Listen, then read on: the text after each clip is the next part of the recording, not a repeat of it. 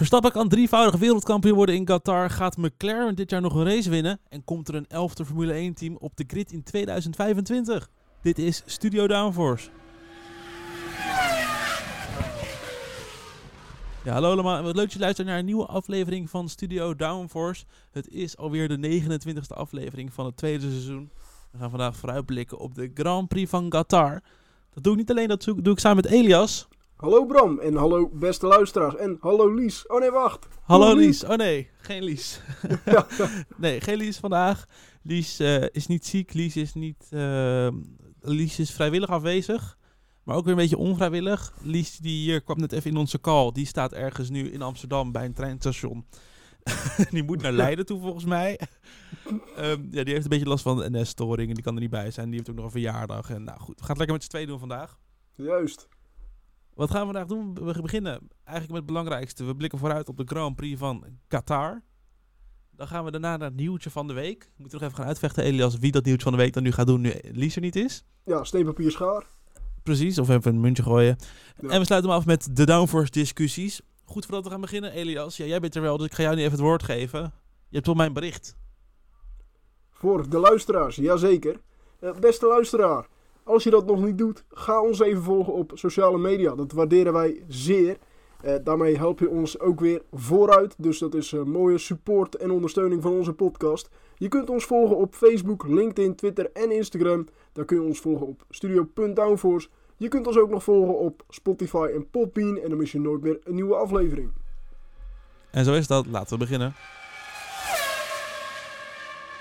We beginnen de aflevering met dus een vooruitblik op die Grand Prix van Qatar. Dan gaan we eerst naar de vorige editie. We hebben namelijk al een keer eerder in Qatar gereden. Eén keer eerder. Dat is uh, twee jaar geleden. Dat was 2021 in de apotheose van het seizoen. Uh, het was de tweede laatste race van het seizoen. En uh, Verstappen lag met, nou, ik denk dat het nog geen 10 punten waren, of misschien net iets meer, lag hij voor op Hamilton in het kampioenschap. De spanning zat er echt vol bovenop.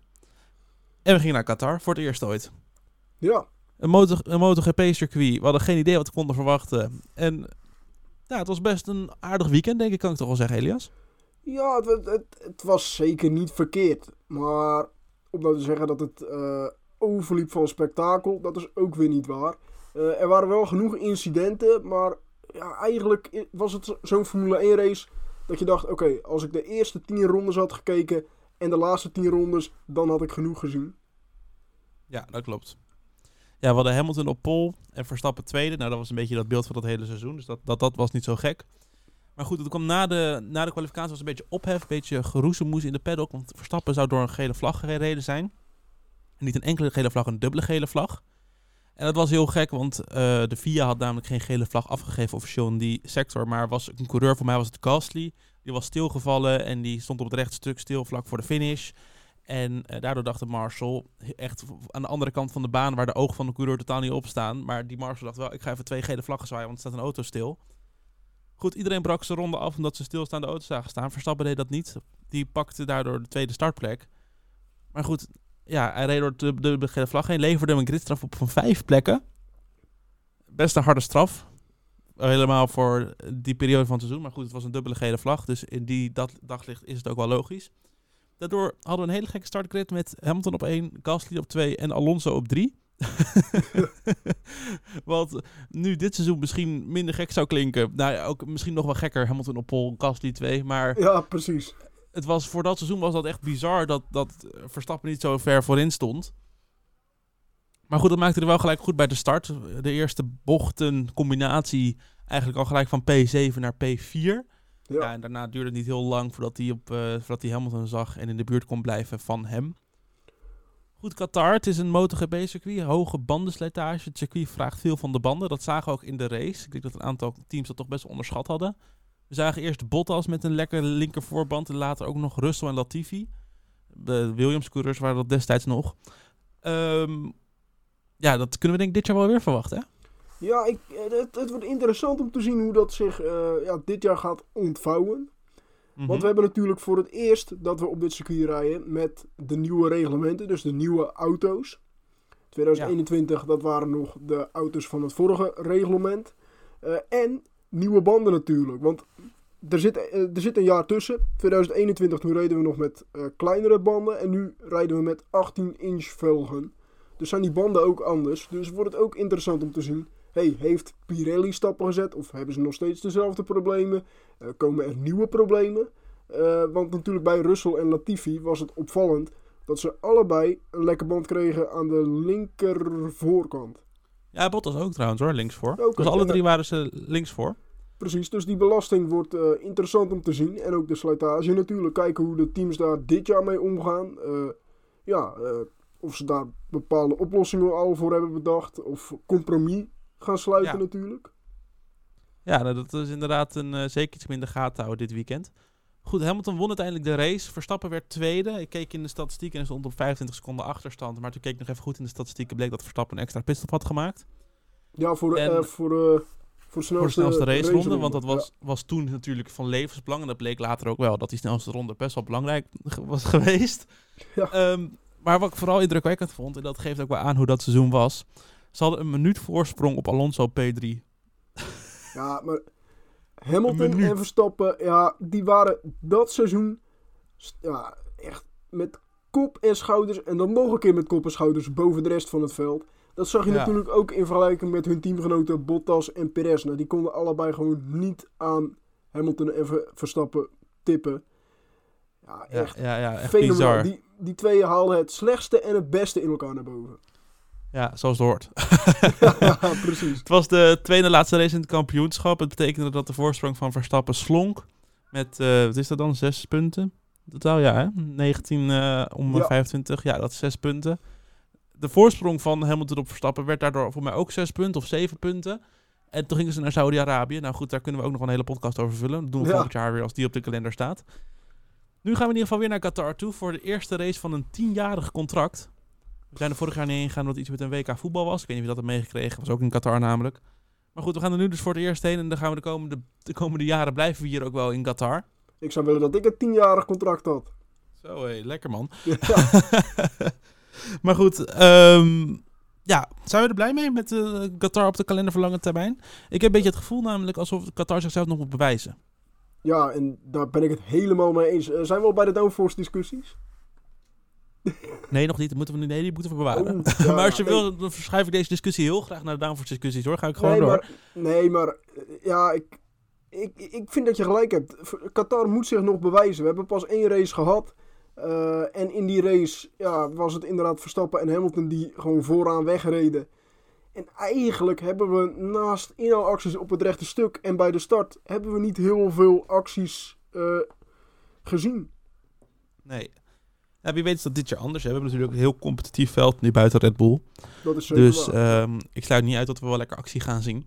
Maar ik sluit ook niet uit dat het een parade wordt voor 70 rondjes. ja.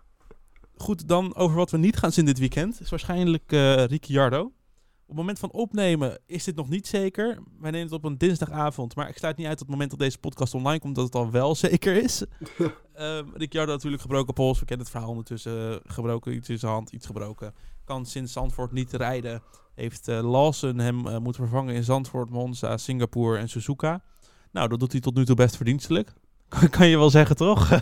Ja, zeker weten voor een rookie die eh, 0,0 testdagen van tevoren heeft gehad in die auto. Ja, doet hij het Mhm. echt voortreffelijk. En het belangrijkste natuurlijk, die auto over de streep brengen zonder al te veel problemen, zonder schade te rijden. Dat, hij, hij haalt geen gekke dingen uit. Hij, hij doet het gewoon heel volwassen en ja, is ook nog eh, snel. En dat laat hij gewoon duidelijk zien, dat die, die professionele werkhouding, ik denk dat dat Red Bull wel bevalt. Ja, ja nee, inderdaad. eh, zijn doel was de auto heel over de streep brengen. In Singapore nam hij ook nog even twee punten mee over die streep. Dus, eh, maar goed, mag je in Qatar nog één keer bewijzen waarschijnlijk. De verwachting is nu dat Ricciardo... Want hij voelde zich wel al fit. Maar goed, het is een sprintweekend dit weekend. Hebben we het zo meteen ook nog wel meer over. En eh, daardoor willen ze niet riskeren dat Ricciardo die ene vrije training rijdt... om vervolgens te zeggen, nee, mijn hand kan het niet aan. Lawson, succes in de kwalificatiepik. Ja. Wat ik heel goed begrijp. Ehm, hebben we er nog meer dingen? Of kunnen we naar het, eh, naar het belangrijkste rubriekje eigenlijk wel van deze podcast? Ja, ik hoor hem al aankomen. Ja, hoort je Daisy? Het is het. Het nieuwtje van de week, week, week. Nou goed, in een paar seconden dat nieuwtje van de week jingle speelde, hebben we even besloten wie het gaat nemen. Eh, hij is voor jou, hè, Elias, vandaag. Ja, voor mij inderdaad. En Nou, we hebben, een nieuwtje van de week. En dat is deze week. Oh, echt? De FIA die keurt de aanvraag van Andretti Cadillac goed voor Formule 1 deelname. Tja. Hehe. Eindelijk, het duurde heel lang. We hebben natuurlijk eh, vorige week uitgepakt met het nieuws dat eh, drie van de vier aanvragen waren afgekeurd. En nu is officieel Andretti Cadillac goedgekeurd voor Ja, dat is toch een beetje 1 een vervolg van, een vervolg van afgelopen week dit. Ja, Dat is precies. toch fijn? In, in deel 2, ja, ja, dat het op elkaar aansluit. Ja. Eh, maar dat is dus goedgekeurd door de FIA. En dan denk je nu, oh, maar dan zijn ze toch officieel nu goedgekeurd? Nee, de FIA heeft het zelf goedgekeurd. Nu moet de Formule 1, dus de FOM, Formula 1 Management, eh, en nou ja, sowieso dus de teams eh, met het Concord Agreement. eh, dat is gezamenlijk, gezamenlijk ja, contract eigenlijk ja. van de teams. En die Mhm. moeten dus samen gaan beslissen: oké, wordt Andretti Cadillac officieel toegelaten tot de Formule 1? Eh, Ja. En ik denk dat, ja, voor de Formule 1 is het wel een aanwinst. Zeker Andretti weten. Cadillac. Eh, een elfde team. Een nieuw Amerikaans team. Extra, naast Haas. Dus dat is wel leuk. Ook die rivaliteit. Eh, maar nu Ja. moet de Formule 1 zelf nog worden overtuigd. Ja, en dat wordt wel lastig. Want eh, ja, als je de teams ook af en toe horen... Dan ha- Ja, die zijn er niet altijd betrekking. positief over. Nee, om een beetje een tijdlijn te schetsen. In februari dit jaar was dus dat de FIA voor het eerst aankondigde van... Hey, eh, we gaan onderzoeken of er interesse is voor een 11 Formule 1 team. Of eventueel een 12 was toen nog de spraak. Van spraak eh, dat dat eventueel erbij zou komen. Nou, toen hebben alle potentiële deelnemers hebben echt enorm, enorm onderzoek gedaan naar de FIA. Er is gekeken naar de sportieve capaciteiten, de technische capaciteiten en de middelen die een team kan opzetten. Hè. Het vermogen wat een team heeft, financiën, om het bij elkaar te halen, om deelname aan het kampioenschap competitief te blijven. Nou, van alles en nog wat. Aanvragen werden ook door de FIA beoordeeld op de duurzaamheidscriteria. De FIA heeft natuurlijk dat ze in 2030 helemaal klimaatneutraal willen zijn. En nou wil je wel een team hebben die daar aan bij kan dragen. Al helemaal met opstart van een nieuw team is dat best eh, lastig. Verder hebben ze ook gekeken naar de algemene lange termijn belangen van het kampioenschap. Maar dat is natuurlijk een, een heel erg argument, dat heb je waarschijnlijk Elias ook wel gelezen, wat de teams zeiden. Van ja, maar we willen niet dat we nu weer een manner krijgen voor drie jaar. En dat die daarna zegt van ja jongens, het was leuk, eh, doei. Ja, precies. En wat er ook nog bij komt kijken is natuurlijk het prijzengeld. Hè? Want een elfde team erbij betekent dat dat prijzengeld kleiner wordt. Het stukje van de taart voor de teams wordt voor alle Mhm. teams gewoon een stukje kleiner. En Ja, ja, dat vinden ze niet leuk. Dus wat Nee, ja, hebben dat- ze gesteld eh, als eis? Eh, ja, in plaats 200 van dat een, ja, een team moet normaal gesproken 200 miljoen aan inschrijfgeld betalen om mee te mogen doen aan de Formule 1. Een nieuw team dan. Eh, maar ja, ondertussen zijn we een paar jaar verder en nu zeggen de Formule 1 teams, ho maar wacht eens even. Het commerciële succes van de Formule 1 heeft ervoor gezorgd dat je nog meer inschrijfgeld moet betalen. Zodat we, ja, wij ook profijt ervan hebben. Dus ze wilden nu richting de 800 miljoen gaan of ze- eh, 600. Ja, misschien is dat Lekiksen, waar we het vorige keer over hebben, dat had dan toch de betere optie. Ja, maar eh, ik, ik denk dat de Formule 1 ook eh, ja, op wil passen dat er niet een nieuw Rich Energy komt. Ja, precies. Dat is natuurlijk wel het gevaar. Maar in ieder geval drie fases bij de VIA. Fase 1 oproepen voor die belangstellingen. Wat ze in februari deden. Na fase 2, daar zijn ze dus met vier kanshebbers doorheen gegaan. Wie die andere drie zijn, is niet officieel bekendgemaakt. Maar dat zou dus die Lekiksen en een, eh, wat was het, high-tech eh, racing en zo. En Rodin partijen. Ja. Dus die vielen allemaal af na fase 3. Daar zit nu Andretti dus in. Die is verwezen naar de FOM voor de commerciële gesprekken. Wat ook nog even gaat duren. Ik denk dat we dit weekend in Qatar ook heel erg veel over gaan horen.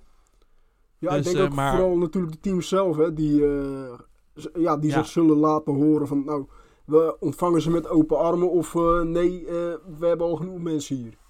Ja, precies. Ja, dat zal eh leuke gesprekken worden. Ik heb zin in het Netflix seizoen volgend jaar. Ja, hoho. Ik, eh, ik, ik wil nu alvast eh, vastleggen. Dit even knip dit en dan komt hij nu. Er gaat een Netflix aflevering heten. Die heet New Kids on the Block. En dat is dan Andretti. En dan rondom deze periode. En dan eh, zoiets. Ja, en dan gaat natuurlijk ook knip. een... eh, een oh ja, nee, ja, Ja, ja, hij staat erop. Hij staat op het bandje. oké. Mooi, dan eh, gaan we door naar de downforce discussies. Goed, lekker discussiëren. Normaal zou ik nu tegen Lies zeggen, dit is jouw moment Lies, je mag losbranden. Maar ja, Lies die zit ergens in een trein of in een auto of ergens in Nederland, we weten ook niet zo goed waar. Dus we doen Misschien het met zit ze niet meer in Nederland, hè? Hm? Misschien zit ze niet meer in Nederland. Ja, je weet het niet. Met de NS weet je maar nooit. Goed, de eerste stelling. Als Perez geen tweede wordt in het coureurskampioenschap, is zijn seizoen mislukt. Eens. Oh, Ja, oké, volgende. Nee. nee, maar ja, oprecht toch. Eh, de Red Bull is gewoon de dominante auto. De beste auto van het veld. En dan kun je ook niet anders dan, ja, dan tweede worden met deze auto. Want anders dan is toch je seizoen gewoon mislukt. Als je kijkt hoe oppermachtig Verstappen is en hoe groot zijn voorsprong is. Ik bedoel, hij zou bijna in zijn eentje een constructeur kunnen zijn. En dan zou hij nog het constructeurskampioenschap winnen. Ja, het scheelt 50 punten. En anders lag eh, Verstappen dubbel zoveel punten voor op Perez. Ja, dat is toch Hij het al met. Hamilton en de rest allemaal. Alleen Perez zit nog binnen de 50% marge. Maar het is gewoon bijna de helft. Dubbel zoveel punten heeft Verstappen dit jaar als Perez. Ik bedoel, het is toch bizar dat we hier überhaupt een discussie, eh, een stelling over hebben. Want Ja. eh, hoe, kan, hoe kan dit nog spannend zijn om de tweede plek? Tuurlijk, spannend, oké. hij ja, heeft, de tweede plek wel. hij Het is heeft spannend nog. 40 punten voorsprong, dacht ik. Ongeveer. Het zijn er, eh, even heel snel overrekenen, 33. Drie, oké. Toevallig. ja, heel toevallig. ja, het is toch bizar dat we daar nog eh, een stelling over hebben. Ik bedoel, dat moet toch al lang en breed beslist zijn voor Perez ook. Ja, 100%. 100%. Maar goed, daardoor hebben we nu eh, de situatie waarin Verstappen wereldkampioen kan worden in Qatar op een zaterdag. Hoe dat, hoe dat zi- zit hoor je zo meteen na de downforce discussies. Maar goed, ik denk dat we wel duidelijk mogen zijn dat Perez, als hij dit nog uit handen geeft aan Hamilton, wat ik echt niet uit eh, vlak hè, dat dat gaat gebeuren. Want dat is echt wel een serieuze kans. Ja, dan kan Perez echt eh, zijn spulletjes pakken en lekker naar Mexico vertrekken. Denk ja, ik. En dan wordt het wel heel leuk natuurlijk aan het begin van komend seizoen. Want ja, je krijgt dan natuurlijk die wintertest ook weer. Nou, als het dan al niet soepeltjes loopt. eh, heb, je drie, heb je drie coureurs binnen Red Bull die op zijn stoeltje zitten te azen. Precies, en dan krijg je misschien weer een situatie zoals Kvyat in 2016. Dat hij na drie of vier races er al uitgeponjuurd wordt. Ja, dat kan best. Ja, En omdat er al onvrede is. Ja, dat zeker. is ook gewoon niet gek, want Liam Lawson is echt indrukwekkend bezig hoor in die Alfa Tauri. En Ricciardo zit natuurlijk al te azen sinds hij terug is. En Red Bull maakt daar ook geen geheim van. Ja, dat is toch wel pijnlijk dat, dat ze gewoon publiekelijk eigenlijk Ricciardo steeds meer aan het ophypen zijn. Eh, en voor Tsunoda trouwens ook pijnlijk natuurlijk. Dat je eh, eigenlijk eh, ja, niet eens wordt genoemd. Dat zelfs Lawson eerder wordt genoemd. Terwijl hij net vijf Formule 1 races heeft gehad. Ja, ik denk dat, ik denk dat Tsunoda zelf ook heel goed weet dat hij het moment dat Honda daar vertrekt, dat hij ook wel zorgen moet gaan maken. Ja, zeker weten. Dus goed, Perez, schaam je als het geen tweede plek wordt. Maar we denken wel dat hij de tweede wordt hoor. Moeten we dit in het Spaans vertalen? Doe maar niet. Dan word ik gecanceld. Goed, de volgende stelling. McLaren wordt volgend seizoen de grootste uitdager van Red Bull. Hmm. Ik, Ik vind het een lastige stelling. Oneens, want ik hoop dat eh, er geen grootste uitdager nodig is als er vier teams even snel zijn. Oh, goede antwoord, goede antwoord. Nou, Ja, die mag je niet meer gebruiken. ik ben eh, Succes. oneens. En ik zal je uitleggen waarom. Ik ben het ook oneens, maar dan om een andere reden. Kijk, McLaren heeft hele grote stappen gezet de, de afgelopen paar races. Eh, want aan het begin van het seizoen ja, kwalificeerden ze zich gewoon helemaal bijna onderaan in Bahrein. Ja. En nu doen ze gewoon ja, vooraan mee en voor de podiums. En ja, dat is gewoon heel indrukwekkend. Maar we moeten niet vergeten, alle tijd die zij nu in de auto steken, kunnen ze niet in de auto van volgend seizoen steken. Dus Daar heb je gelijk in, ja. Ik denk ook eerlijk gezegd dat Ferrari, Mercedes, Aston Martin al aan het, aan het, aan het, ja, aan het ontwi- aan het ontwikkelen zijn voor volgend jaar. En Red Bull zelf natuurlijk ook. Mhm. Dus ik sluit niet uit dat het daardoor lijkt alsof McLaren zo'n grote stap heeft gezet. Terwijl ze misschien ja, eh, ja, een minder eh, ja, een minder groot gat hadden gehad. Ja, nee, dat denk ik ook hoor. Dat, Ja. Maar ik, denk- ik, ik hoop gewoon dat we, wat je zegt, als ook nog even, eh, als ook nog eventjes eh, Al- Aston er volgend jaar gewoon goed bij zit, Ja. dat we gewoon met z'n vijven eh, vijf teams hebben die vooraan kunnen Dat meedoen. zou echt te gek zijn. Maar Ja, ja, toch? ja, en die, weet je, die nieuwe windtunnel van McLaren, Mhm. dat wordt ook nog wel een dingetje. Hè? Want die, eh, die is ook nu pas in gebruik. Nou, daar heeft die 2024 auto, zeker in het begin dan, nog niet echt profijt van. Maar Nee, dat denk ik ook niet. het is zeg maar een windtunnel, die gebruikte McLaren niet meer in hun eigen fabriek. Maar die gebruikten ze in de fabriek van Toyota. En die, die fabriek bevindt zich dus eh, in Keulen, in Duitsland. Dus daar zijn ze nu Ja, dat is eindelijk best een vanaf. eentje rijden. Ja, want die, windtunnel gebruiken ze al sinds 2010. Die is zo erg verouderd. Nu dus in de eigen fabriek. Een stuk makkelijker. Eh, maar dat gaat toch ook even tijd kosten, denk ik. Eh, Ja, ongetwijfeld. dus, ja, ik, ik, ik weet het nog zo net niet hoor. Het zal mij niks verbazen als McLaren volgend seizoen weer een flinke achterstand heeft op de topteams. Ja, we, kunnen, we gaan het zien. Ik weet dat McLaren ten opzichte van... Want natuurlijk eh, Red Bull en Aston Martin ook bezig met een nieuwe eh, windtunnel. En daar zit volgens mij wat meer gedoe nu achter vanwege allemaal we- wetgeving en zo. Dus heeft McLaren daar nog wel geluk dat ze nu de nieuwste windtunnel spec hebben als het ware. Ja, Dus, eh, maar we gaan het zien. Laten we gewoon hopen dat, dat we vijf teams... Laten we dat gewoon even manifesteren nu. Vijf teams in de top Ja. volgend jaar. Volgende stelling. Mooi. Misschien zelfs zes team als het aan deze stelling ligt. Williams kan alleen maar de volgende stap eh, zetten terug naar de top als ze een exclusieve motorpartner vinden. eens. Oneens. Oké, ik ben En- benieuwd en wat dat is denk ik dat ik, ik, als ik er zo over nadenk, ik denk natuurlijk eens, want dat is in het afgelopen jaar met Red Bull gebleken. Als je exclusief bent met de motorpartner, ga je gewoon wat handiger samenwerken. Maar Williams natuurlijk in 2014, 15, 16 hebben ze best wel lekkere resultaten gehaald als klantenteam van Mercedes. Ja, oké. En Aston Martin en McLaren laten nu ook zien dat je als klantenteam gewoon een fabrieksteam kan verslaan. Ja, dus in die zin, het is geen must. Maar ik denk voor de aspiraties van Williams zou het niet, zou het niet misplaatst zijn dat Porsche daar instapt. Want eh, wat we nu niet genoemd hebben in het vorige rubriekje, het nieuws van de week. We hebben natuurlijk een statement gehad van de FIA. En daar staat één klein zinnetje in. De, eh, het proces bouwt voort tot de positieve acceptatie van de 2026 F1 Power Unit re- eh, regels van de FIA. uit de, van de teams en verder ook betrokken van Audi, Honda, Ford met interesse van Porsche en General Motors. Ja, ah. De- Allemaal nieuwe Porsche zit nog steeds in dat circuit.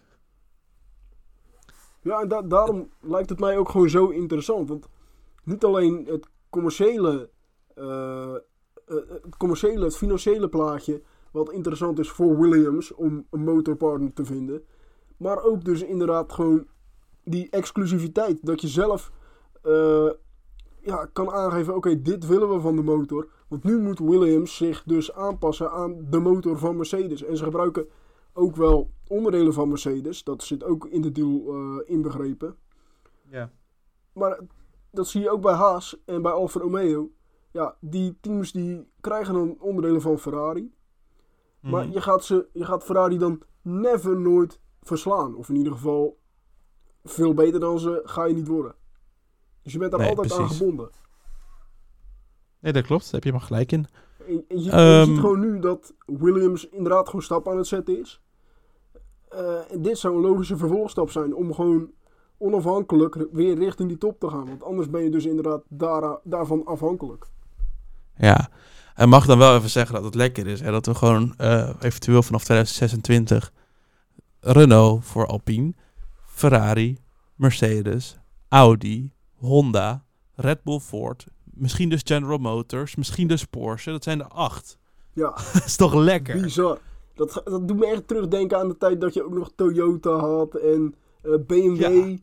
Ja. dat waren echt mooie tijden. Dat je echt van die verschillende fabrikanten hadden. En die concurreerden ook elkaar gewoon uit de sport. Hè? Ja. Ja, het is... ehm, Survival of the fittest. Survival of the Fittest. En ik vind het heerlijk om te zien. Goed, dan de laatste stelling. Een Formule 1 race hoort niet verreden te worden op een MotoGP-baan. Hmm. Ja, ik ben het hiermee oneens. Maar ook weer eens. Eh, En- Ik ben het eens. Om mijn mening... Een soort van mijn mening is eens oneens. En ik kan het het beste verwoorden door gewoon Spielberg als voorbeeld te geven.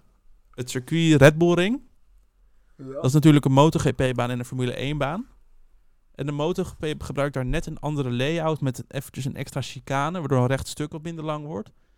En dan denk ik dat heeft de best of both worlds. We hebben nu, eh Qatar staat erom bekend dat het een best wel goed MotoGP-circuit is. Met en lange rechtstukken en veel snelle bochten en waar, ze, eh, waar best wel veel actie is. Maar moet je mij verbeteren, Elias, als ik nu iets doms zeg. Ehm, maar goed, de Formule 1, ja, dat is dan toch vaak al wel een parade als er veel bochten in zitten en weinig hele lange rechtstukken. We hebben dat eh, drie jaar geleden gezien in Mugello. Wat toen als invalcircuit rond deze periode van het jaar nog even bij kwam. En dat was toen een super vet circuit op zaterdagmiddag. In een kwalificatie dat we echt een grote ogen keken op wow, wat gaan deze autootjes snel doorheen. Maar op zondag was het toch alweer een parade. Ja, maar En- zelfs ook Portimao hè, in Portugal. Ja, ook. Klopt, ja. En daar bijvoorbeeld, daar, dat, was, eh, dat was in de MotoGP toch wel wat spannender. Ja, precies. En het was ook vet om te zien natuurlijk, hè, die, die MotoGP-motoren, dat ze zo over die eh, heuvel kwamen. Echt Ja. schitterend om te zien. Eh, Uh-huh. Je hebt natuurlijk ook nog wel andere circuits waar de MotoGP en de Formule 1 rijden of hebben gereden. Denk bijvoorbeeld aan het circuit van Jerez, waar ze vroeger hebben gereden, eh, de Formule 1-auto's dan. Ja, Eh, zeker. Catalunya, Ja, Barcelona op de- dus. Ja, op de kalender van dit jaar heb je inderdaad Barcelona, Catalunya. Je hebt Oostenrijk, dus de Red Bull Ring. Je hebt eh Groot-Brittannië, Silverstone. Ja. Eh, welke nog meer? Eh, ik had er nog eentje. De volgende race, Amerika, Austin. Austin, hebben we ook, ja. is ook Ja, dus, ik denk toch, als je gaat kijken naar al die, al die verschillende banen, dat Austin nog het beste is qua race voor allebei de klassen. Want Ja, dat denk ik ook wel. Barcelona is toch wel een optocht in de Formule 1 al jarenlang en dat is ook de kritiek erop. Ja, wat minder Eh, al wel, hè, nu. Oké, en Silverstone, oké, oké, dat is ook wel een iconisch circuit. Ja, Mhm. oké, ik neem mijn woorden iets terug, maar nou, ja, nu ook weer. Nee, maar je hebt, wel gelijk in de, je hebt wel gelijk in de zin dat Austin be- best van beide is. En ik denk Barcelona ook al wel wat meer nu ze eh, die hele late chicane eruit hebben gesloopt. Ja, Want zit er voor de MotoGP nog wel in, toch? Die chicane? nee, ook niet meer. Ook niet meer? Nee. Nou, dan kunnen we daar gewoon een tribune neerzetten. Maar in ieder geval in Amerika, in Austin, daar is het. En dan heb je twee hele lange rechtstukken waar ingehaald kan worden, is bewezen. En je hebt ook lekker snelle bochten die ook gewoon een beetje een, het circuit een flow geven. Ja, maar zelfs in die laatste sector kun je nog inhalen. Hè?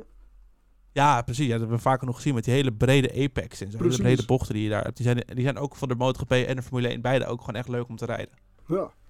Maar goed, voor Qatar, ja, ik vind het toch wel veel bochten, weinig eh, lange rechtstukken buiten het eh, rechtstuk eh, bij de start-finish. ja, er zijn gewoon, ik, ik, zie- ik zie ook gewoon geen inhaalmogelijkheden echt voor de Formule 1, afgezien van het rechte stuk. En ja, met een DRS Ja, maar goed, weet je, vlieg je daar voorbij. Het blijkt altijd alweer dat je dan, als je er eenmaal rijdt, dan zie je in bocht 6 wel weer dat het even wat breder is daar waar je naast elkaar kan zitten. Of bocht 9, dat daar weer iets is. Of een bocht 11, als je daar net te wijd gaat, dat je dan de lul bent of zo. Dat, Ja, maar dan moet je Ja, of iemand zal- heel erg onder druk zetten, of heel erg eh, door je banden heen zijn, of je moet er al naast zitten. En dat is gewoon heel lastig. daar. Ja. dat klopt. Maar goed, dat is ehm, in ieder geval gaan we dit, zo- dit, dit weekend wel heel vaak zien. Want ik denk dat we hier alles hebben over gehad. Hè. Dan ga ik namelijk door naar het eh, weekend. Ja. zelf toe. Het weekend, eh, de weekend soort van weekend in een minuut bijna wil ik zeggen. Want ten eerste kan Verstappen dus wereldkampioen worden in Qatar. Dat doet hij door drie punten te halen. Punt. drie puntjes in totaal voor het hele weekend is voldoende om wereldkampioen te worden. Of nee, in de sprint wereldkampioen te worden. Volgens mij moet Perez in de Grand Prix, eh, als dat al niet lukt, dat Verstappen uitvalt in de sprint of zo, maar dat denk ik niet. Maar goed, moet je rekening mee houden. Dan moet Perez alsnog punten inlopen volgens mij in de Grand Prix om te voorkomen dat Verstappen niet in Qatar wereldkampioen wordt. Maar goed, de basis is Verstappen moet minimaal zesde worden in de sprintrace om wereldkampioen te zijn voor de derde keer. Over die sprintrace, we hebben natuurlijk Qatar is dus een sprintrace weekend. Ehm, ik heb de tijden voor je heel erg eh, lief en braaf en die heb ik hier nu voor mijn neus. Ehm, ja, de eerste vrije training die begint op vrijdag om half vier tot half vijf. Een lekker schappelijke tijd op de vrijdag als je het mij vraagt. En de kwalificatie is van 7 tot 8 op de vrijdagavond. Lekker. Vind een lekkere tijd, moet ik zeggen. ja, Dan hebben, we, dan hebben we de sprint shootout. De verkorte versie van de kwalificatie, mocht je het vergeten zijn hoe dat werkte met de sprintrace. Die begint om drie uur en die eindigt om kwart voor drie of kwart voor vier. Maar dat zal weer vier uur zijn door een of andere rode vlag. En dan de sprintrace om half acht in de avond, op zaterdagavond dus. En dan zondagavond met bord op schoot, als je mij vraagt, om zeven uur de Grand Prix van Qatar. De Formula 1, de Qatar Airways Qatar Grand Prix. hey, dat is toch fijn, hè? Zijn we er gewoon weer helemaal doorheen? Ja, Lekker zeg. Voordat, ik, eh, voordat we hem helemaal gaan afsluiten, Elias, dan paas ik hem nog heel eventjes over naar jou toe. jazeker. Eh net als aan het begin van de aflevering, beste luisteraar, als je dat nog niet hebt gedaan, ga ons even eh, volgen op sociale media. We hebben Facebook, LinkedIn, Twitter en Instagram. Daar kun je ons volgen op studio.downforce voor extra content van de podcast. met voorspellingen, met previews van nieuwe afleveringen. Nou, ga het allemaal even checken. Je vindt het allemaal, allemaal dus op onze socials. Je kunt ons ook volgen op Spotify en Podbean. En dan mis je nooit meer een nieuwe aflevering zoals deze. Klinkt goed. Volgende week zijn we terug. Dan blikken we terug op de Grand Prix van Qatar. En eh, dat is dan geniet vooral van het weekend. En we spreken je volgende week weer. Tot dan!